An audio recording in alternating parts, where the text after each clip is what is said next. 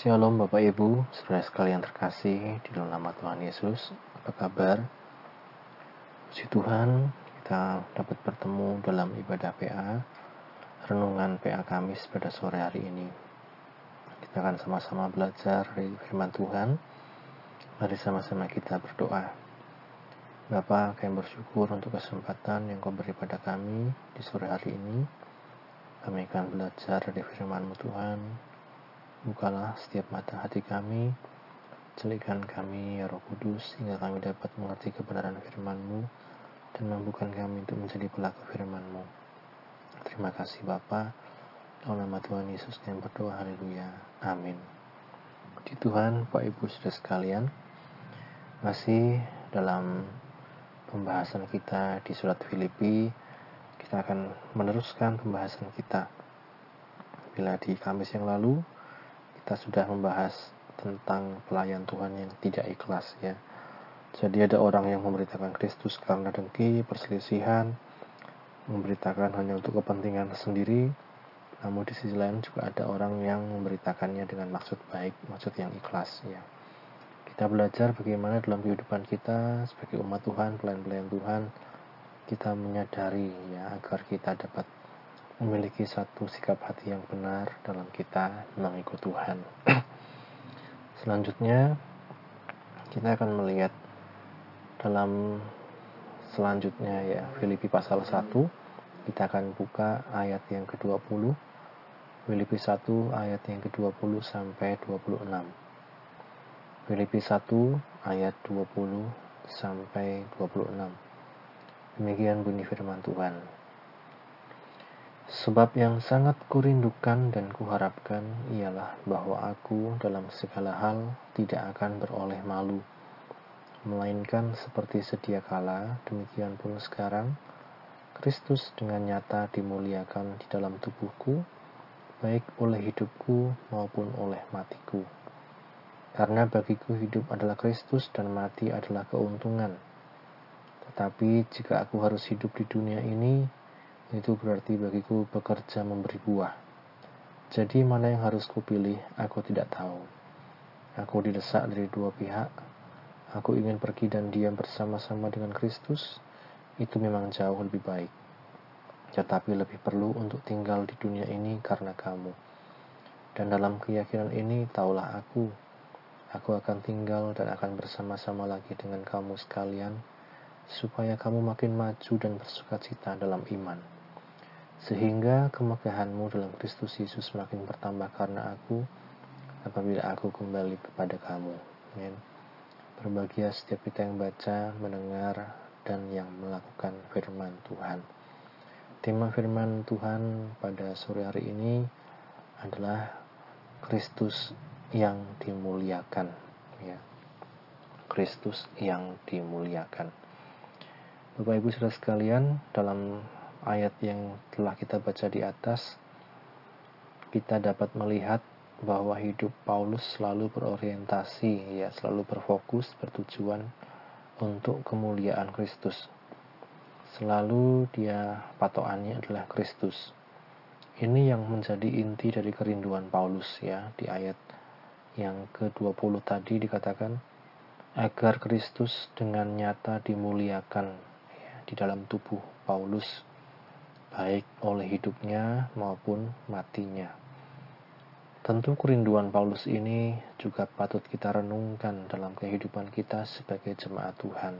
Ini juga menjadi kerinduan setiap kita, yaitu agar nama Tuhan dipermuliakan melalui kehidupan kita. Dan saat berpulang pun, saat kita meninggal pun, orang dapat memuliakan Tuhan, sebab mereka melihat kesaksian yang baik selama kita hidup. Selanjutnya Paulus katakan hidup adalah Kristus dan mati adalah keuntungan. Kata-kata ini sangat terkenal dan sering dijadikan kata mutiara, words, atau kata penghiburan. Ya. Seorang tokoh politik Kristen juga pernah menggunakan kalimat ini untuk menggambarkan prinsip hidupnya yang tidak takut dengan ancaman apa pun selama menjalankan kebenaran ya. Jadi dia menegakkan kebenaran, dia mencegah korupsi dan lain-lain dan banyak orang yang mengancam dia akan membunuhnya. Tapi dia tidak takut. Dia katakan hidup adalah Kristus, mati adalah keuntungan. Bagi Paulus, hidup adalah Kristus yang dikatakan sebagai tetapi aku harus hidup di dunia ini itu berarti bekerja memberi buah. Ya. Hidup adalah Kristus adalah bekerja memberi buah. Sementara mati adalah keuntungan adalah gambaran kerinduan Paulus untuk berada bersama-sama dengan Bapa di surga.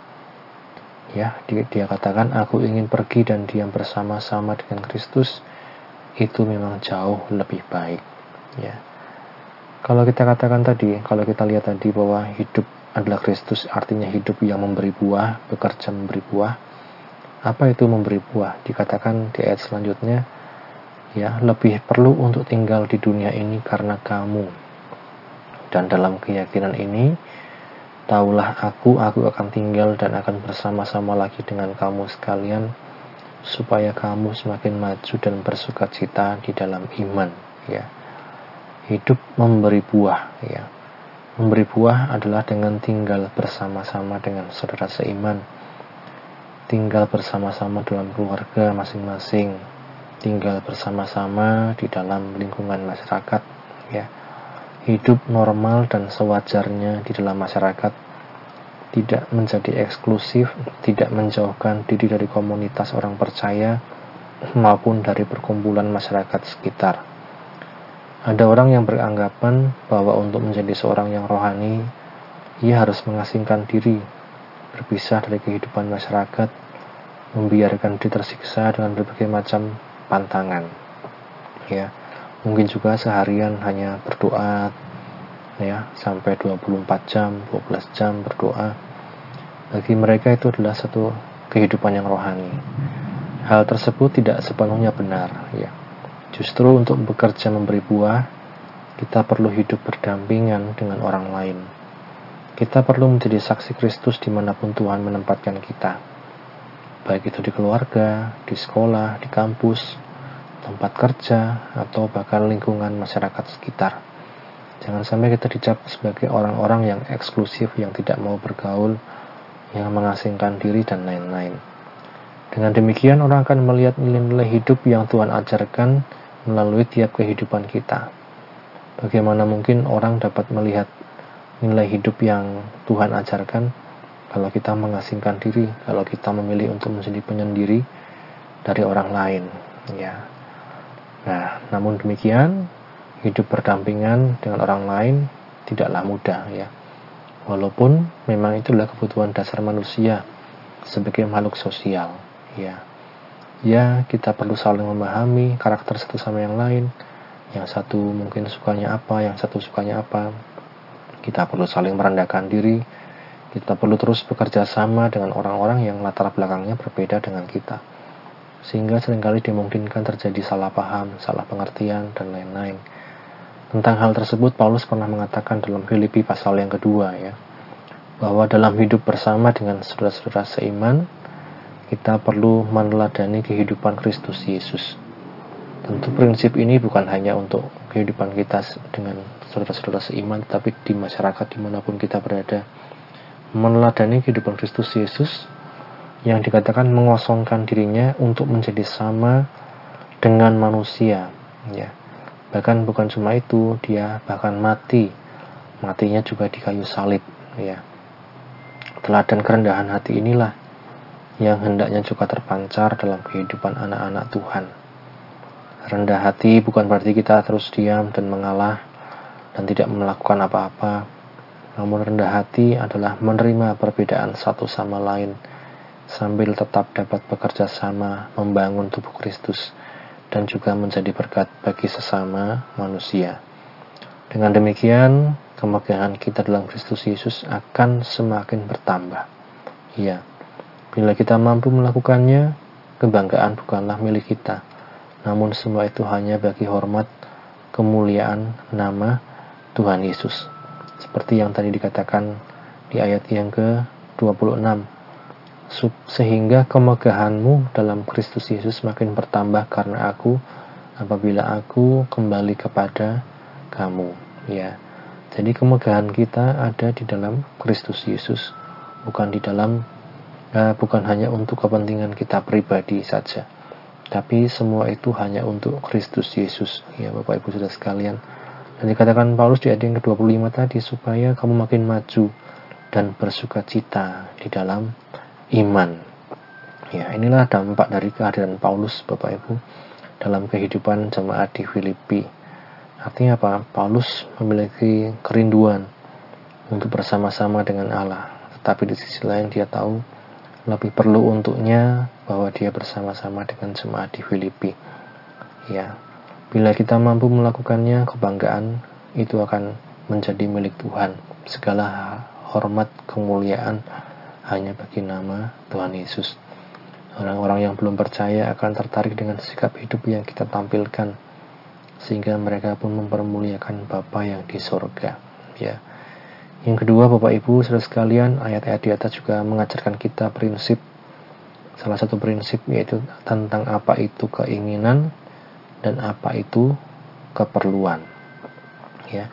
Seperti kata Paulus, aku ingin meninggalkan dunia ini bertemu dengan Tuhan. Namun di sisi lain lebih perlu bagi Paulus untuk tetap tinggal di dunia ini bersama-sama dengan saudara-saudara seiman ya. Kita melihat tadi ya. Aku didesak dari dua pihak ayat 23. Aku didesak dari dua pihak, aku ingin pergi dan diam bersama-sama dengan Kristus itu memang jauh lebih baik. Tapi lebih perlu untuk tinggal di dunia ini karena kamu ya ada itu keinginan Paulus, ada juga keperluan atau kebutuhan yang Paulus e, katakan itu lebih perlu ya. Nah, orang-orang di Filipi dikatakan mereka masih membutuhkan kehadiran Paulus. Ya, mereka masih membutuhkan ajaran Paulus, teladan hidup Paulus. Sebabnya selama Paulus masih hidup dikatakan aku ingin tinggal bersama-sama dengan kamu sehingga kehidupanmu juga semakin bersuka cita, imanmu semakin dikuatkan dalam Tuhan. Bagi kita sekalian pun Bapak Ibu jangan hanya mengejar atau fokus pada keinginan kita atau memaksakan agar keinginan kita segera terlaksana ya. Ingat ada juga yang lebih perlu ya untuk kita lakukan. Baik baik bagi diri kita sendiri maupun juga yang lebih perlu untuk kita lakukan bagi orang-orang yang kita kasihi. Oh ya baik itu juga untuk suami istri anak keluarga kita dan siapa pun yang membutuhkan ya. Jadi ingat Bapak Ibu Saudara sekalian kita punya keinginan tapi juga ada kebutuhan keperluan yang lebih penting untuk kita lakukan ya contoh sederhana mungkin ya saya ingin uh, mungkin kita punya uang gitu ya saya ingin membeli ini membeli itu tapi lebih perlu ya untuk membeli misalnya kebutuhan-kebutuhan pokok atau dasar di rumah. Nah, itu Bapak Ibu Saudara sekalian jangan sampai mengorbankan keperluan kita untuk memenuhi keinginan kita. Jadi, biarlah firman Tuhan pada sore hari ini uh, menjadi berkat dan renungan untuk kita sekalian untuk kita terus menjadi orang-orang yang mau bergaul, yang mau hidup berdampingan dengan sesama dan menjadi saksi Tuhan di mana pun kita berada. Di sisi lain, mari juga kita memperhatikan satu prinsip dalam firman Tuhan, apa itu keinginan, apa itu keperluan atau kebutuhan. Tuhan Yesus memberkati. Mari sama-sama kita berdoa. Bapak kami bersyukur untuk firman-Mu yang telah kami baca, kami dengarkan, kami renungkan. Mari roh kudus Engkau yang menteraikan firman-Mu dalam hati kami, pikiran kami, dan mampukan kami untuk terus berjalan dalam kebenaran-Mu, untuk menjadi pelaku-pelaku firman-Mu, untuk menjadi saksi-saksi-Mu Tuhan. Memberkati anak-anak-Mu yang sudah mendengarkan firman-Mu Tuhan, memberkati apa pun yang mereka kerjakan, apa yang mereka rencanakan Tuhan. Bahkan yang sakit disembuhkan, yang lemah dikuatkan, yang susah dihiburkan, yang sedang menghadapi permasalahan kau yang berikan jalan keluar. Terima kasih Bapa, kami bersyukur ya Tuhan, juga Tuhan, biarlah kehidupan kami semakin hari semakin mempermuliakan namamu Tuhan, sehingga banyak orang akan menjadi percaya padamu Tuhan, ketika mereka melihat buah-buah yang dihasilkan dalam kehidupan kami. Agar kami juga dapat membedakan mana itu keinginan kami, mana itu ambisi kami, dan mana itu kebutuhan yang yang harus kami lakukan. Terima kasih Bapak. Kami bersyukur Tuhan, ini doa kami, dalam nama Tuhan Yesus kami berdoa, haleluya. Amin. Puji Tuhan, Bapak Ibu Saudara sekalian, Tuhan Yesus memberkati. Amin.